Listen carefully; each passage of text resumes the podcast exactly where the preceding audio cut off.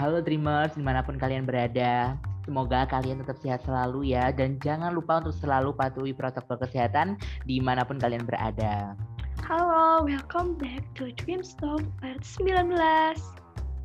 Aduh, udah gak kerasa aja nih Dreamstock udah sampai part ke-19. Bener gak sih, Kak?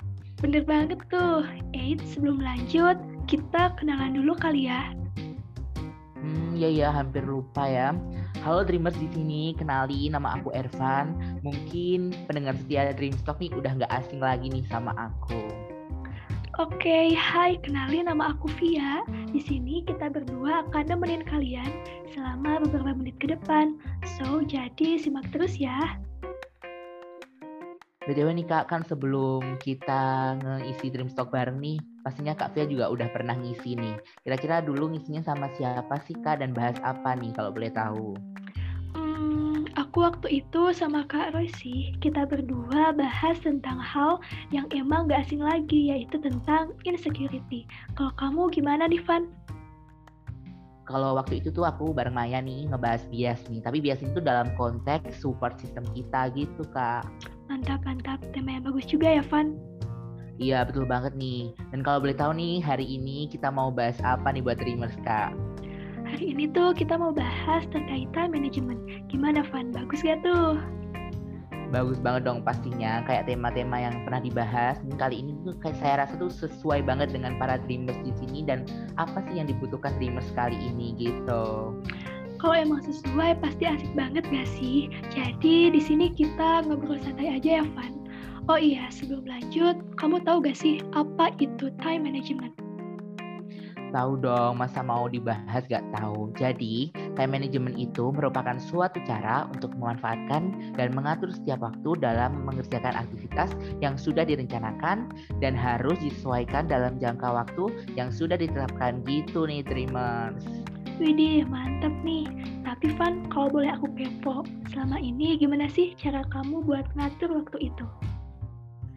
kalau selama ini ya yang aku terapin dari semenjak SMA tuh ngatur waktu tuh juga uh, sekedar bikin list gitu aja kak. Misal minggu keempat bulan November, aku ngeliat dulu nih ada kegiatan apa aja sih di minggu itu, terus ada tugas apa aja nih. Setelah itu aku prioritasin mana nih yang lebih penting, sebatas itu aja sih. Kalau kakak gimana nih kalau penerapan time management di hidup kakak gitu? Wow, jadi emang udah kebiasaan buat list kegiatan ya? Kalau aku sih gak jauh beda sama kamu, Van. Kayak nyusun agenda harian, terus tentuin waktu luang. Misalkan jam segini, waktunya kita ngelakuin hobi kita atau cuma sekedar santai doang. Pokoknya jangan sampai kita itu terlalu sibuk dengan mengatur waktu belajar, tapi gak mikirin kapan sih waktu yang tepat buat kita istirahat itu. Wah, mantep banget nih kak, keren-keren. Jadi seberapa penting sih time management nih buat kakak? Hmm, yang jelas penting banget dong ya. Yang aku rasain selama mengatur waktu itu, jadi kayak lebih disiplin aja gitu. Karena dulu aku sempat kebingungan juga sih sebelum aku tahu pentingnya time management ini. Waktu itu aku punya beberapa agenda yang harus selesai di hari itu juga. Nah, aku kebingungan sendiri karena dulu tuh gak tahu gimana sih caranya, terus gimana aku bisa menyelesaikan semuanya dan emang masih belum tahu awalnya itu harus ngapain gitu. Tapi kalau kita menerapkan manajemen waktu ini, kita jadi bisa mempersiapkan dari jauh-jauh hari kan, dan akhirnya semua kerjaan kita bisa terselesaikan dengan baik. Hmm, tuh Dreamers, dengerin kata-kata Kak Fia barusan. Kalau bisa dicatat nih, biar kalian tuh gak lupa. Boleh juga tuh. Kalau kamu sendiri gimana nih, Van? Seberapa besar peran time management ini di dalam hidup kamu? Kalau menurut pribadi nih Kak, time management tuh penting banget dalam mengatur kegiatan keseharian yang kulakuin sehari-hari gitu ya. Uh, semenjak nih kelas 12, aku merasa bahwasannya time management itu memudahkan aku dalam mengatur kehidupanku. Apalagi nih, sekarang udah beranjak ke dunia perkuliahan, di mana kita nggak hanya akademik aja, tapi kita organisasi ataupun kegiatan di luar uh, pendidikan gitu. Kalau tidak pandai pandai-pandai mengatur waktu tuh pasti bakal kewalahan sendiri gitu. Benar banget tuh.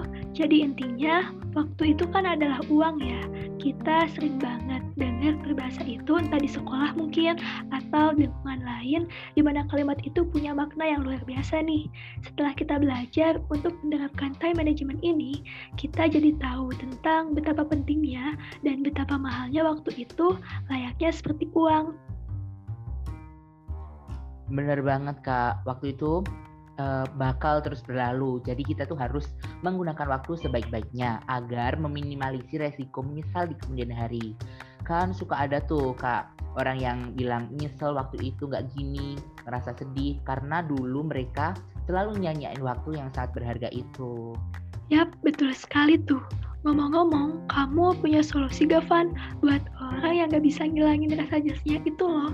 Jadi supaya mereka bisa nerima aja gitu sama apa yang terjadi di masa lalu. Karena mau gimana lagi kan, waktu gak bisa diulang. Solusi, solusi dari aku nih yang pertama, kita tuh sering-sering aja lah belajar dari kesalahan yang pernah kita berbuat. Belajar tentang apa sih penyesalan itu. Kalau udah gitu nih, coba ada terima kesalahan yang dilakuin waktu itu. Dan cara melihat perspektif atau sudut pandang yang baru. Uh, coba pikirkan kembali apa sih tujuan kamu saat ini. Jangan diem aja stuck di situ. Kalau kita gak bisa kembali ke masa lalu, mungkin kita bisa ngelakuin hal yang lebih baik di masa yang akan datang gitu kak. Oke, jadi intinya kita harus berpikir ulang tentang gimana tujuan kita, kemudian apa sih yang harus kita lakukan saat ini, dan apa yang harus kita lakukan ke depannya. 100 nih buat Kak Via. Makasih banget, Van. BTW, ada closing statement dulu gak nih, Van, buat Dreamers di sini? Uh, buat Dreamers di sini nih yang belum menata hidupnya atau belum menerapkan time management dalam hidupnya, uh, coba deh kalian sekarang mencobanya nih agar kalian tuh tahu sih bagaimana perbedaan kalian sebelum dan sudah melakukan itu. Yang tahu kalian dirikan eh yang tahu kalian sendiri kan kalian sendiri. Jadi jangan sampai menyesal karena sesuatu yang tidak teratur gitu, Kak. Boleh, boleh. Aku juga punya bantu nih, Van. Aduh, bo boleh nih. Gimana, gimana? Kalau ada sumur di ladang, boleh kita menumpang mandi. Cakep. Kalau ada umur yang panjang, boleh dengerin Trip Talk lagi. Bye. Bye.